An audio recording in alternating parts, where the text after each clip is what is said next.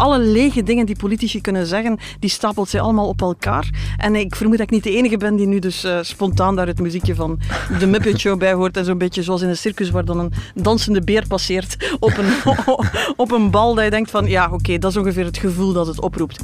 De actualiteit, daar wil ik het over hebben met Lisbeth van Impe. Zeker nu we weer te kampen hebben met een asielcrisis. Ik ga langs bij Lisbeth op de redactie van het Nieuwsblad in Antwerpen. Daar is ze hoofdredacteur en vind ik haar met Hannes Heindriks, chef politiek.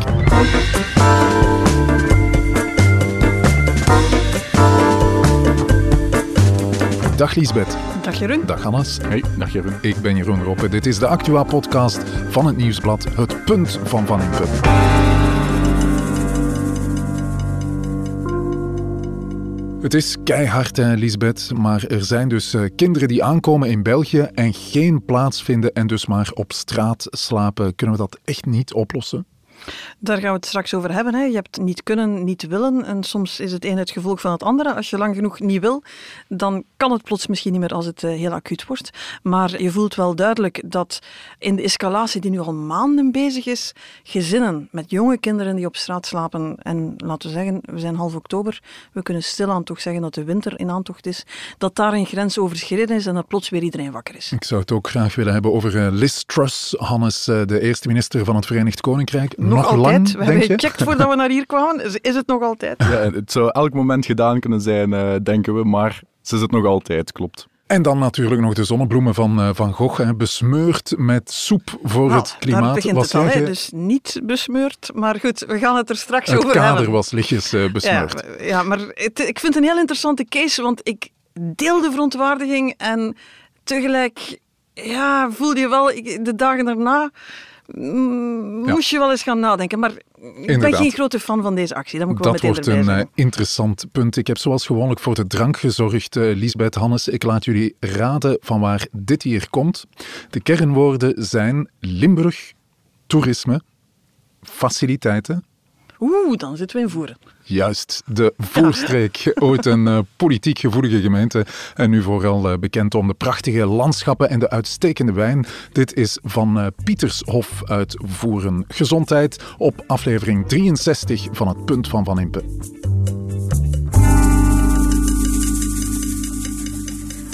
Vandaag is er geen tekort aan infrastructuur, maar een tekort aan personeel. Dus mijn oproep vandaag naar de collega's in de regering is: geef ons handen, geef ons personeel om Verasiel te ondersteunen. Zij kunnen dit niet alleen.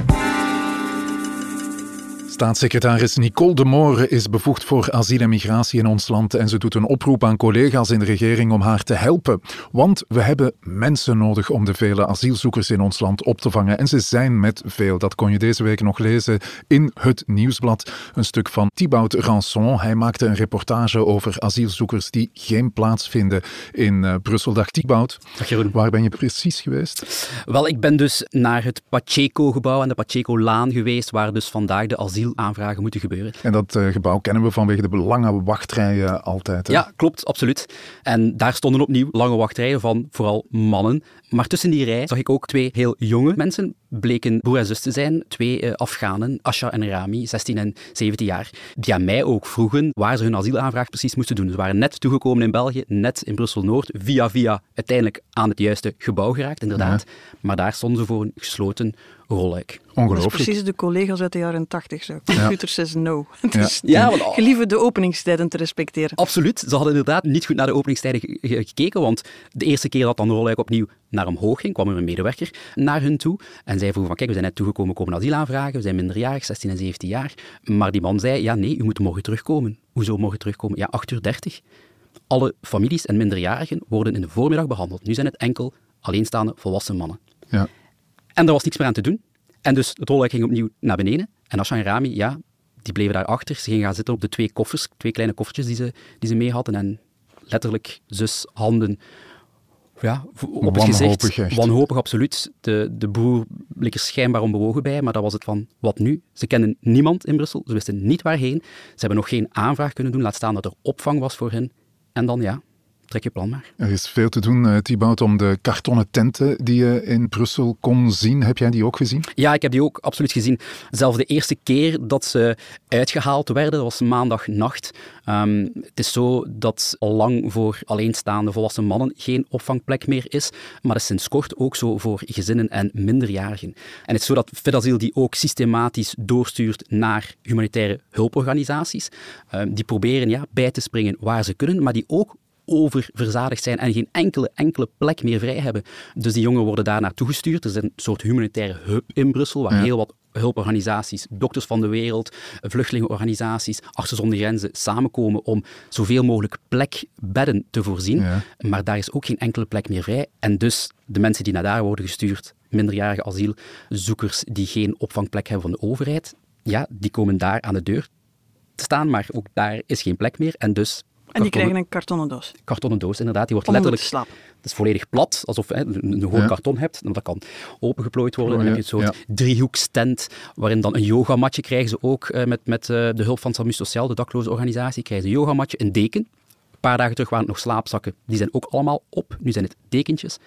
En dan ja, kunnen ze nacht doorbrengen in een kartonnen tent. Hoe, tot voor kort. Ja, hoe, hoe schijnend vond jij het zelf? Tot voor kort inderdaad, want uh, ze zijn weggehaald. De uh, burgemeester van Brussel die, heeft die allemaal laten weghalen. hoe, hoe schrijnend vond je zelf de situatie? Ja, het, het, is absoluut enorm schrijnend. Um, op zich kan je nog zeggen van oké, gelukkig dat het nog niet zo koud is. Maar het is maar een kwestie van dagen ja, dat, het, dat het echt wel vriestemperaturen worden. En dat zijn ja, letterlijk heel, heel jonge kinderen. Ik heb uh, kinderen daar gezien van 13 jaar, die daar dus helemaal alleen toekomen en dan ja, in een kartonnen tent moeten slapen. Dat is van het schrijnendste wat er is, denk ik. Ja. Zeg Thibaut, die, die wachtrij, mensen die daar staan, niet weten of ze gaan binnengeraken of niet, daar misschien al voor de zoveelste dag staan.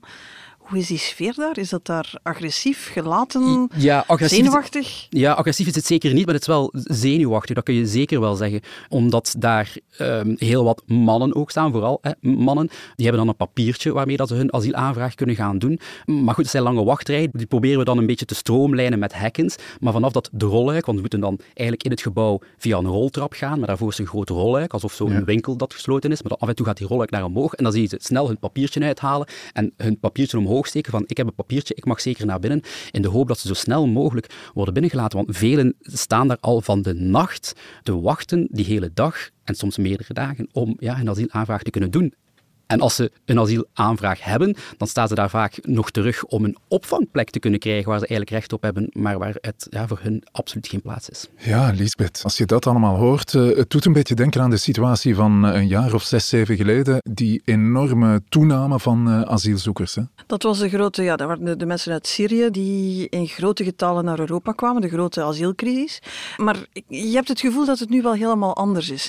Er was toen ook heel veel discussie, hè? het, het van Angela Merkel tegenover we zijn naïef en we moeten voor Europa de grenzen dichtsmijten ja. en er prikkeldraad op zetten. Laat zeggen de tactiek Orbán. Dat was toen ook een discussie. Maar je had wel het gevoel, de mensen die aankwamen, daar werd een heel serieuze poging ondernomen om dat op te vangen. Je voelt nu dat we eigenlijk in een, ik denk dat we in een iets cynischer tijdgevricht zitten. Heel lang waren het mannen volwassen mannen alleen. We, iedereen die ooit in Brussel-Noord komt, ziet ze daar in rijtjes liggen. Hè? En dan hmm. wordt dat zo half opgekuist overdag, worden die buiten gekuist en s'avonds zijn die daar terug. Op verschillende plekken in Brussel zie je dat daar eigenlijk ja, mensen zich daarop georganiseerd hebben en er een soort van ecosysteempje rond ontstaan is. Je had dat vroeger ook met Maximiliaanpark, dat ene park waar iedereen uh, samen hokte. De mannen, ja, die slapen al de hele tijd op straat. Dat passeerde. Dan heb je de minderjarigen, maar bij minderjarigen is het heel makkelijk om te zeggen van ja, er zijn er ook veel bij die zeggen dat ze minderjarig zijn. Blijkt na onderzoek dat meer dan de helft effectief jonger dan 18 is. Onderzoek, dat is dan een, een botscan. Dat is een botscan uh, waarbij gekeken wordt van ja, natuurlijk zijn er die liegen over een leeftijd, maar dat is absoluut niet de grote meerderheid zoals soms voorgesteld wordt. Sommigen zeggen 70, 80 procent liegen daarover. Dat klopt ook niet. Daar zit je echt met de problematiek van ja, puberjongens die, die 14, 15, 16, 17 jaar zijn, waar ik nog altijd dacht dat wij onze als, als taak zagen om daar extra voor te zorgen, als je dat vergelijkt met volwassenen. Ja, en dan zie je nu, ja, het wordt kouder en gezinnen met kinderen, dat is dan blijkbaar waar vandaag onze emotionele grens ligt.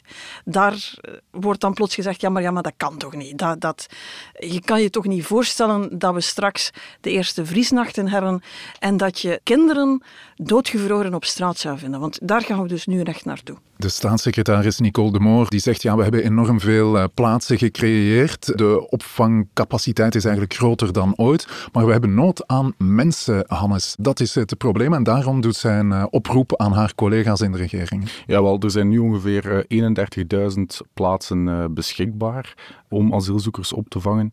Er zijn er inderdaad het voorbije jaar heel wat bij gecreëerd, maar het grote probleem is dat we geen uh, personeel hebben om mensen te gaan begeleiden, om te koken voor mensen die opvang nodig hebben.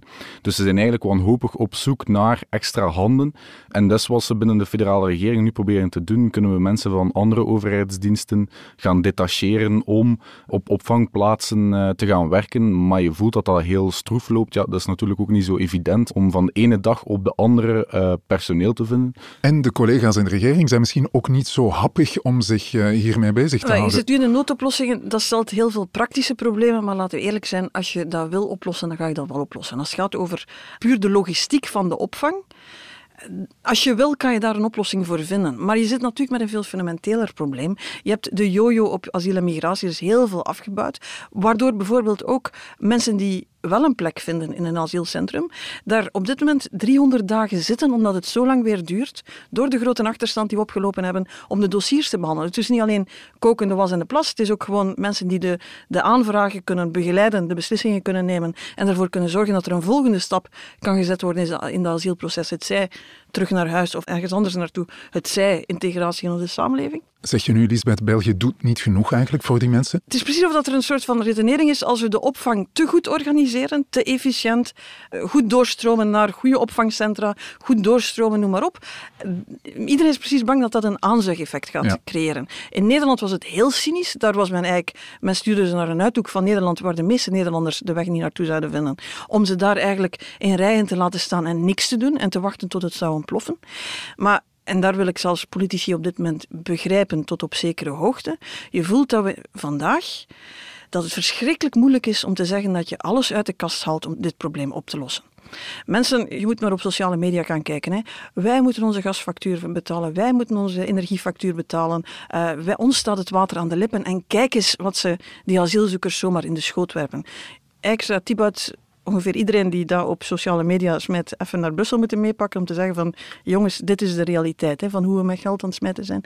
De kartonnen dozen, hè, bedoel, dat is, dat is de realiteit. Maar je voelt, politiek ligt het op dit moment verschrikkelijk moeilijk om te zeggen, hier moeten we geld voor uittrekken, want heel veel andere mensen zitten ook te wachten op ja, dat heeft veel te maken ook. De, de regering is eigenlijk een, een centrum-linkse regering, of heel veel linkse partijen bij elkaar ook. En zij staan recht tegenover een bijna volledig rechtse oppositie, zeker in Vlaanderen, Vlaams Belang en N-VA. De kritiek die zij hebben op het uh, asielbeleid en de opvangcrisis die er nu is, is er een van, ja, jullie hebben er zelf voor gezorgd dat er veel te veel asielzoekers naar ons komen. Hun kritiek is niet zozeer van, zorg dat die mensen een dak boven hun hoofd hebben, maar eerder houden ze hier buiten. Dus in, in dat klimaat is er bij de regering wel enige terughoudendheid om die asielcrisis, die opvangcrisis, heel fors te gaan aanpakken. En iedereen van straat te halen. Ik heb de indruk dat het ook overal zit. Hè. Je zou nu eigenlijk verwachten naar ecolo, groen, uh, de PS, moord en brand zouden. Hè.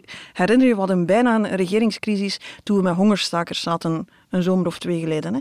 Vandaag blijft het relatief stil. Iedereen weet van ja, dit is waarschijnlijk niet de strijd. Als je kijkt, de burgemeester van Brussel, die toch ook altijd gepleit heeft van jongens, ik kan die niet alleen oplossen. Die vandaag zegt, ja, ik ga hier die kartonnen dozen opkuisen. Je moet morgen maar een nieuw kartonnen tentje geven. Want het is niet de bedoeling dat mensen op straat slapen. Alsof dat ze dus niet meer op straat gaan slapen als je de kartonnen doos afpakt. Hè.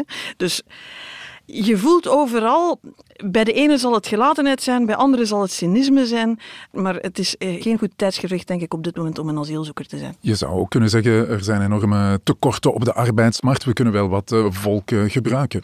Ja, maar pas op, hè. Ik, ik begrijp ook de sepsis van mensen. Hè. We zijn, dit land is uit ieder rapport, blijkt ook weer, zelfs met de Oekraïners, die we met open armen ontvangen hebben, noem maar op, blijkt dat wij als land het heel moeilijk hebben om die mensen op de arbeidsmarkt te krijgen Het kan niet zijn dat wij de slechte Oekraïners gekregen hebben en onze buurlanden de goede gekregen hebben. Dus daar zit iets structureel in hoe dat we doorstromen, hoe dat we kansen en opportuniteiten. Dat gaat ook over hoe dat onze arbeidsmarkt gestructureerd is. Dus ik zeg, noodopvang, daar denk ik van, jongens, uh, dat kan allemaal heel lastig zijn, maar dat zijn soort problemen die je opgelost krijgt. Maar je voelt, hier zitten zoveel structurele problemen in hoe we Europees ons asielbeleid organiseren. Hoe wij asielaanvragen tijdig, niet tijdig, snel kunnen afwerken. Hoe we de beslissing die genomen wordt, wel of niet blijven, ook kunnen uitvoeren. Dat wie niet mag blijven, ook ja, met de gevolgen van die beslissing geconfronteerd wordt. Het zijn allemaal structurele dingen die sowieso het hele proces al moeilijk maken. Als je dan in deze omstandigheden ja, de trechter opentrekt en er komt om een of andere reden meer volk binnen, ja, dan zie je dat heel het systeem stropt.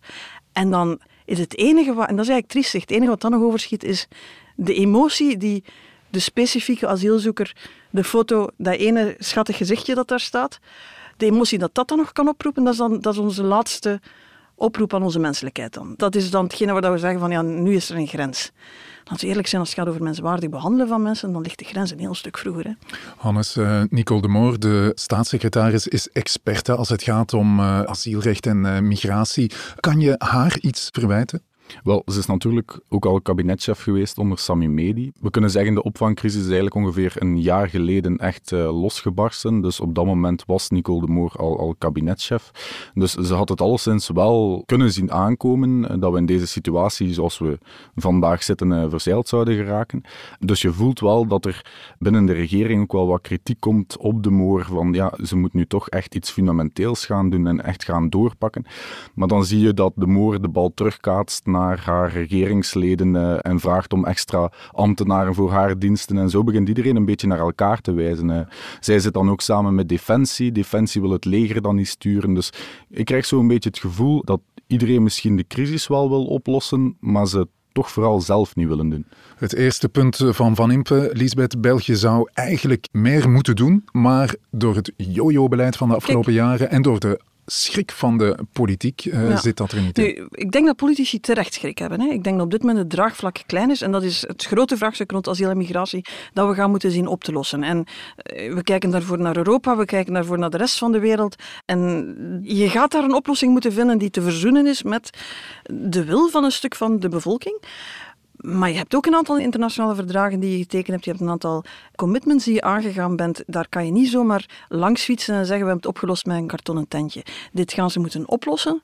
Ergens de komende jaren zal er toch echt iets moeten gaan schuiven om fundamenteel te gaan kijken hoe we asiel en migratie en de rol die we als Europa daarin kunnen spelen, actief gaan invullen en terug gaan verzoenen met wat dat de mensen aanvaardbaar vinden. Thibaut, kan jij leven met dit uh, eerste punt van Van Impe? Ik kan er zeker mee leven.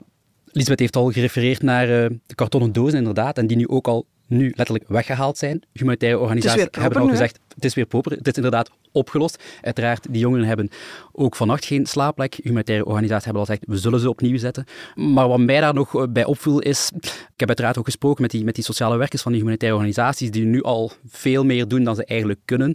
Er was één meisje bij, een broer en een, en een zus, twee Afghanen. En dat meisje is dan door één van de sociale werkers van die humanitaire hub een hotelkamer aangeboden. Die mensen gaan nog zoveel meer dan zeggen van oké, wij kunnen het niet als overheid kan het niet, wij kunnen het niet als humanitaire organisatie, we hebben geen bed meer, dus ik zal persoonlijk jou een hotelkamer uh, boeken. En wat ik hoorde nu bij het kabinet deze ochtend uh, van uh, burgemeester Kloze, dus de burgemeester van Brussel, die opdracht had gegeven om de tentjes nu op te ruimen, die letterlijk zeiden aan de humanitaire organisaties van jullie hebben toch lokalen binnen die leeg staan? Er staan wel geen bedden, maar ja. er zijn leeg, staan er tafels en stoelen, waarom kun je daar niet s'nachts de mensen binnenbrengen? Zeggen van, we hebben daar geen personeel voor, we hebben geen bedden.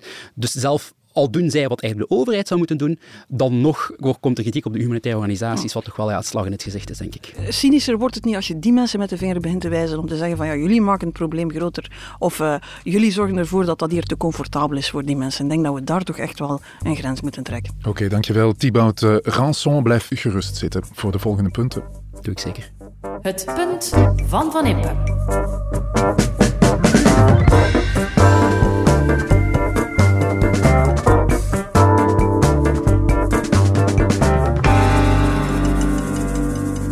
What I'm focused on is delivering for the British public. Now, I recognise we have made mistakes. I'm sorry uh, for those mistakes, but I've fixed the mistakes. I've appointed a new Chancellor. Uh, we have restored economic stability and fiscal discipline.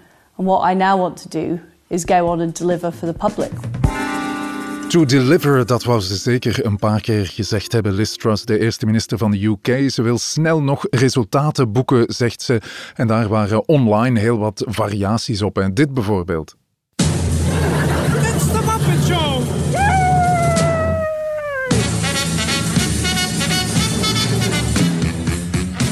De Muppet Show, de bekende Amerikaanse poppenshow met uh, dus ook een Liz Truss variant. Uh, en uh, dat is niet het enige wat je allemaal te zien krijgt online. Het is hè? geniaal, want allee, ik bedoel, ze braakt platitudes. I'm for a strong economy. I'm gonna guide you through this. I want what's good for you. Ik bedoel, alle lege dingen die politici kunnen zeggen, die stapelt ze allemaal op elkaar. En ik vermoed dat ik niet de enige ben die nu dus spontaan daar het muziekje van de Muppet Show bij hoort. En zo'n beetje zoals in een circus waar dan een dansende beer passeert op een, op een bal dat je denkt van ja, oké, okay, dat is ongeveer het gevoel dat het oproept. Maar er staat geen maat meer op de metaforen. Nee, het was ook een uh, ongelooflijke soap, uh, Hannes, de afgelopen weken. Ja, inderdaad. Ik zag dat uh, het weekblad The Economist... Toch een serieus weekblad, ja, moeten we daar eerlijk in zijn? Het beste weekblad ter wereld, wordt wel eens gezegd. Hè? Ja, inderdaad. Die vergeleken Liz Truss eigenlijk met een krop sla. Dus ze vroegen zich af, ja, wie heeft nu eigenlijk de langste houdbaarheidsdatum? Ja. Wie houdt het langst vol? Ik, ik, als Economist zo'n dingen begint te schrijven, dan denk ik, ja, iedereen in Groot-Brittannië is zo zijn innerlijke Blackadder aan het activeren om de meest beledigende dingen te kunnen zeggen, om heel hard met de situatie, zichzelf, uh, Liz Truss te lachen. Je moet gewoon maar eens googlen, uh, ja. de beste memes. Het Twitter-account Larry the Cat, dat is de kat die al sinds generaties in, uh, in Downing, Downing Street 10, Street, de ja. ambtswoning van de premier, leeft. Die heeft een eigen Twitter-account met, ja, daar staan hier de hele dag verhuisdozen gewoon stand-by. verhuiskamions in zijn stand-by. Het houdt niet op. Iedereen lacht zich een breuk.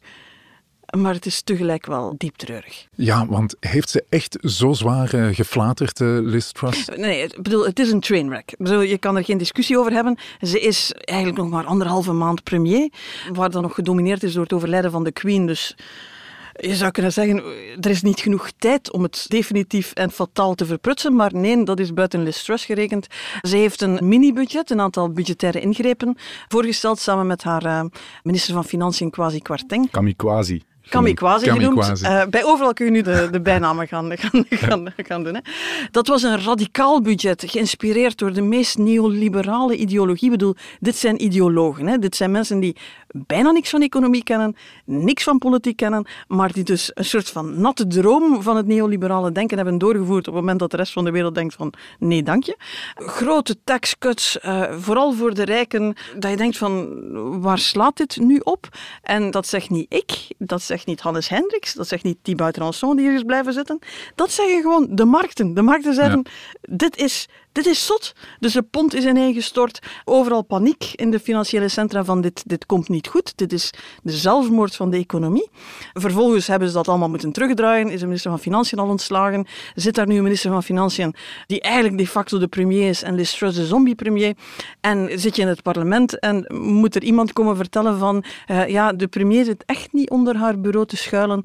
Uh, nee, dat is een vals gerucht in de politiek denk je dat je dan het nulpunt bereikt hebt. Veel dieper kan je niet zakken. Ja, want het gaat snel in het Verenigd Koninkrijk. De job van uh, eerste minister is daar uh, van korte duur de jongste tijd. Boris Johnson, Hannes, die zou al klaarstaan om haar op te volgen. Denk je dat uh, dat kans maakt? Wel, Johnson is natuurlijk zelf met pek en veren weggestuurd door zijn eigen partij, omdat hij een aantal feestjes had gegeven tijdens de corona-lockdowns.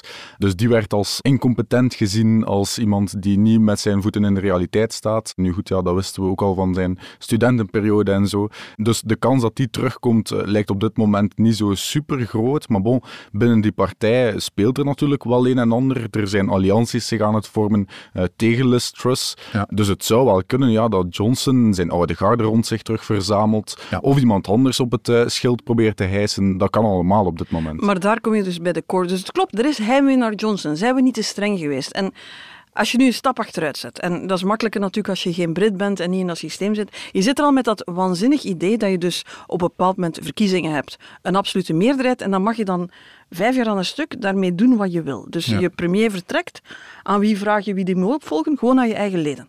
Dus er zijn 80.000 mensen die voor Liz Truss gestemd ja, hebben. De leden van de partij, in dit geval de conservatieve partij, de dat is 0,12 procent van de bevolking. Dat is dus bijna niemand. Die hebben samen gekozen wie de volgende premier zou worden. En die kunnen dat dus blijkbaar nog een paar keer herhalen tot er weer echt verkiezingen moeten komen. Dus dat is een compleet geschift systeem. En je zit nu in een partij die eigenlijk al een hele tijd de trappers kwijt is. Boris Johnson heeft van alles uitgestoken toen hij premier was. Was daar iets bij waar we echt konden van verrast zijn? Ik bedoel, Boris Johnson die onverantwoordelijk is, niet echt bezig is met de mensen, zijn eigen gedacht doet, het niet nauw neemt met de regels. Dat is ongeveer de reden dat mensen, allez, een deel van de kiezers, dat eigenlijk een hele toffe peer vonden. Tot een premier was en ze zagen dat dat toch ook een aantal nadelen heeft. Liz Truss, iedereen wist dat hij ik bedoel, Liz Truss dacht dat ze Margaret Thatcher kon worden door naar Moskou te gaan, een berenmuts op te zetten en daar een foto van te laten nemen.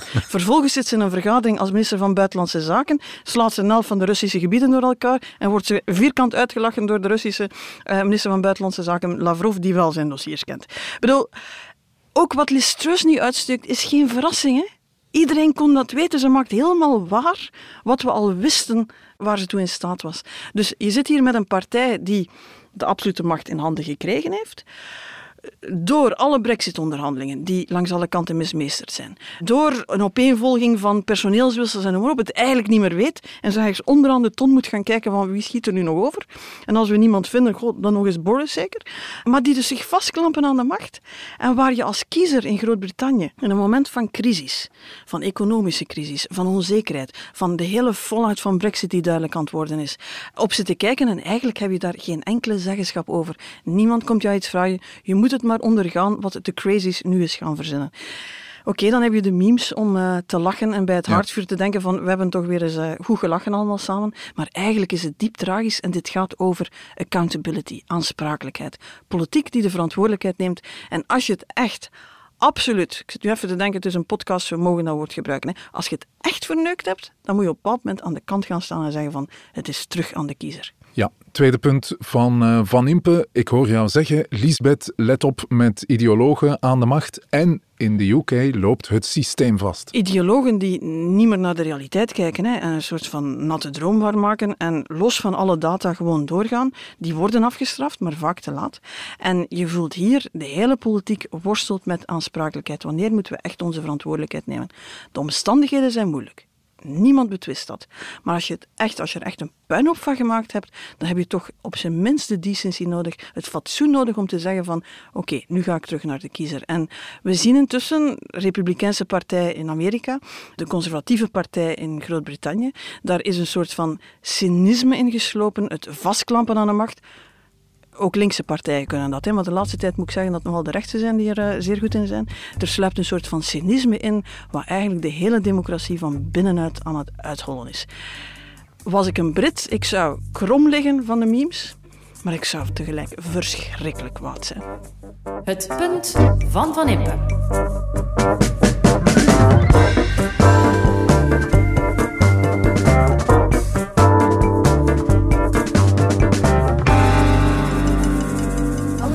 One thing perfectly clear we did no damage to the painting whatsoever. I was in court yesterday, heard that there's been minimal damage done to the frame, which is repairable and replaceable, and absolutely no damage done to the painting. It was behind glass, and we never ever would have considered doing it if we didn't know that it was behind glass and that we wouldn't do any damage. I mean, literally, we were sat there still glued to the wall.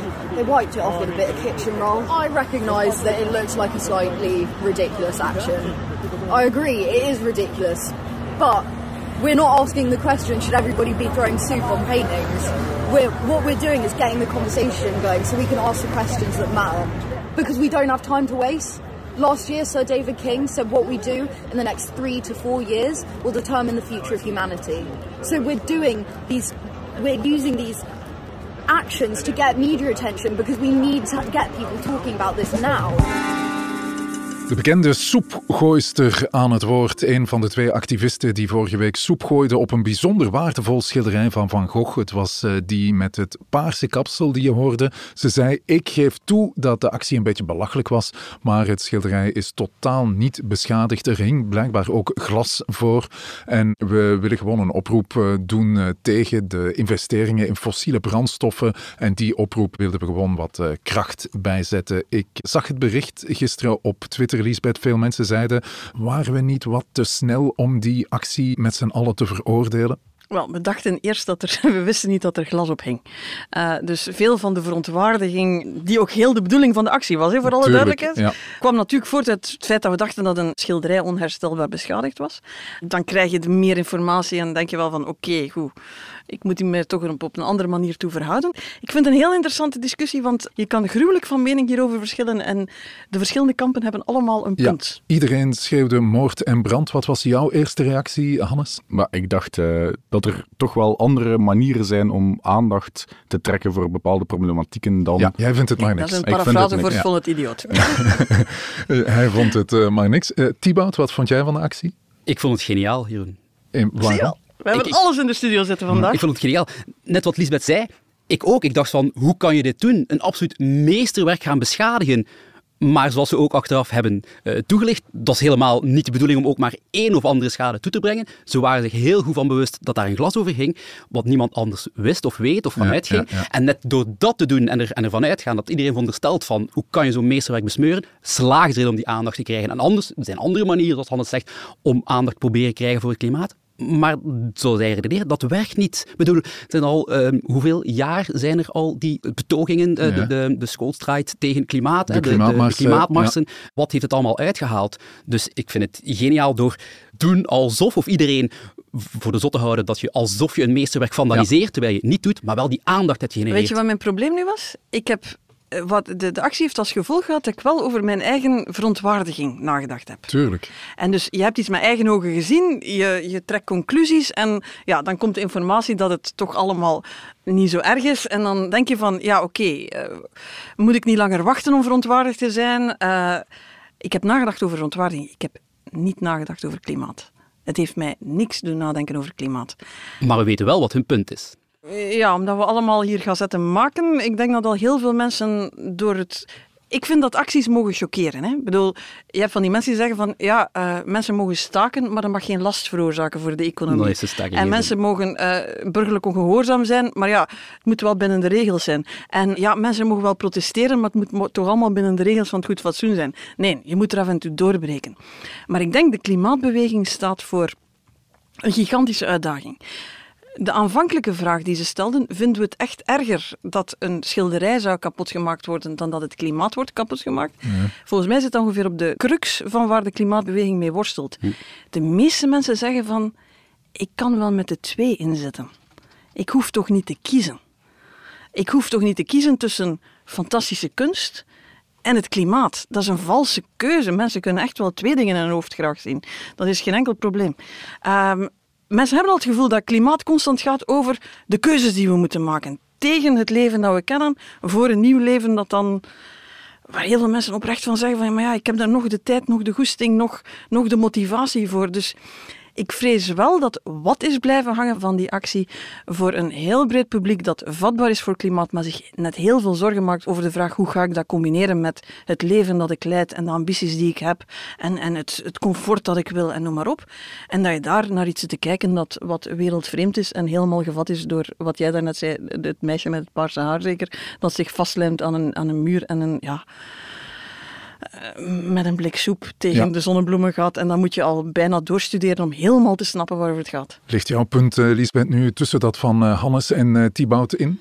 Ergens moet je zeggen, misschien is het hoopvolle dat we hier met drie, vier... We hebben jouw mening niet gevraagd, hè Jeroen? Ik Dat zit is- altijd op jouw lijnen, dat weet je. Oh, yeah, right.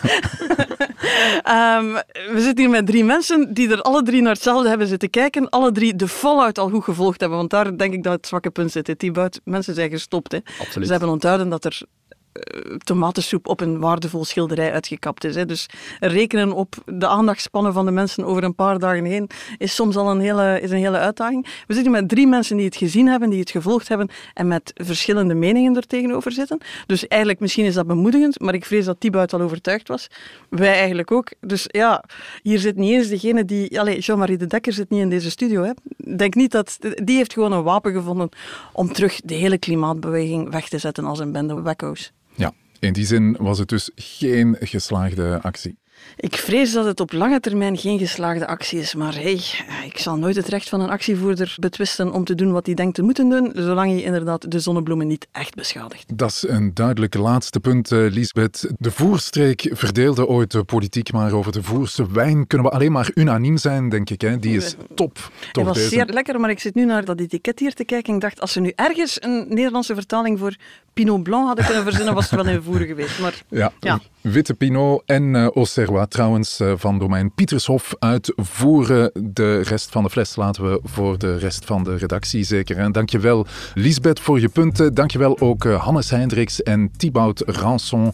Ik kijk nu al uit naar het volgende punt van Van Impe.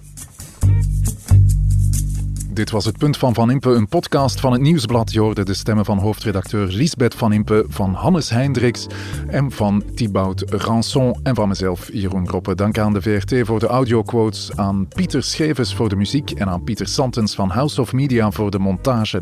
De productie was in handen van Joni Keimolen en van Bert Heijvaart. Tot het volgende Punt van Van Impe.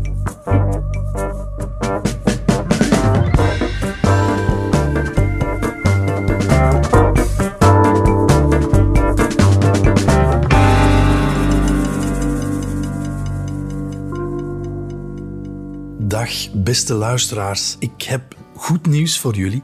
We gaan jullie niet langer meer laten wachten. Vanaf 5 november start er een nieuw seizoen van Seks verandert alles. Rika vertelt ons dan opnieuw verhalen uit haar praktijk. En ik ga natuurlijk nog niet alles verklappen, maar uh, ik kan je alvast wel zeggen dat het zal gaan over bruisende liefde. Wij zitten nog in een relatiefase waarbij dat er niks tegen onze goesting is. Over wipkwartiertjes. Allee, we hebben dan nu nog twee uur, dus dat is dan nog tijd om te lunchen en dan gaan we piemelen. over bedrog. Hij heeft mij zo hard belogen, echt ja, voor de tweede keer. En over nog zoveel meer. Onze Love Voices zijn er ook weer bij. Zij vertellen natuurlijk hun eigen persoonlijke ervaringen. En de fantastische muziek is weer van onze monteurs Pieter Schrevers en Benjamin Hertogs. Nog heel even geduld dus en daarna is er elke zaterdag een aflevering tot aan het einde van het jaar. Was het zo uh, een beetje goed, Rika? Je hebt dat heel goed gezegd, Johan. Ah, altijd fijn als je partner er ook van genoten heeft.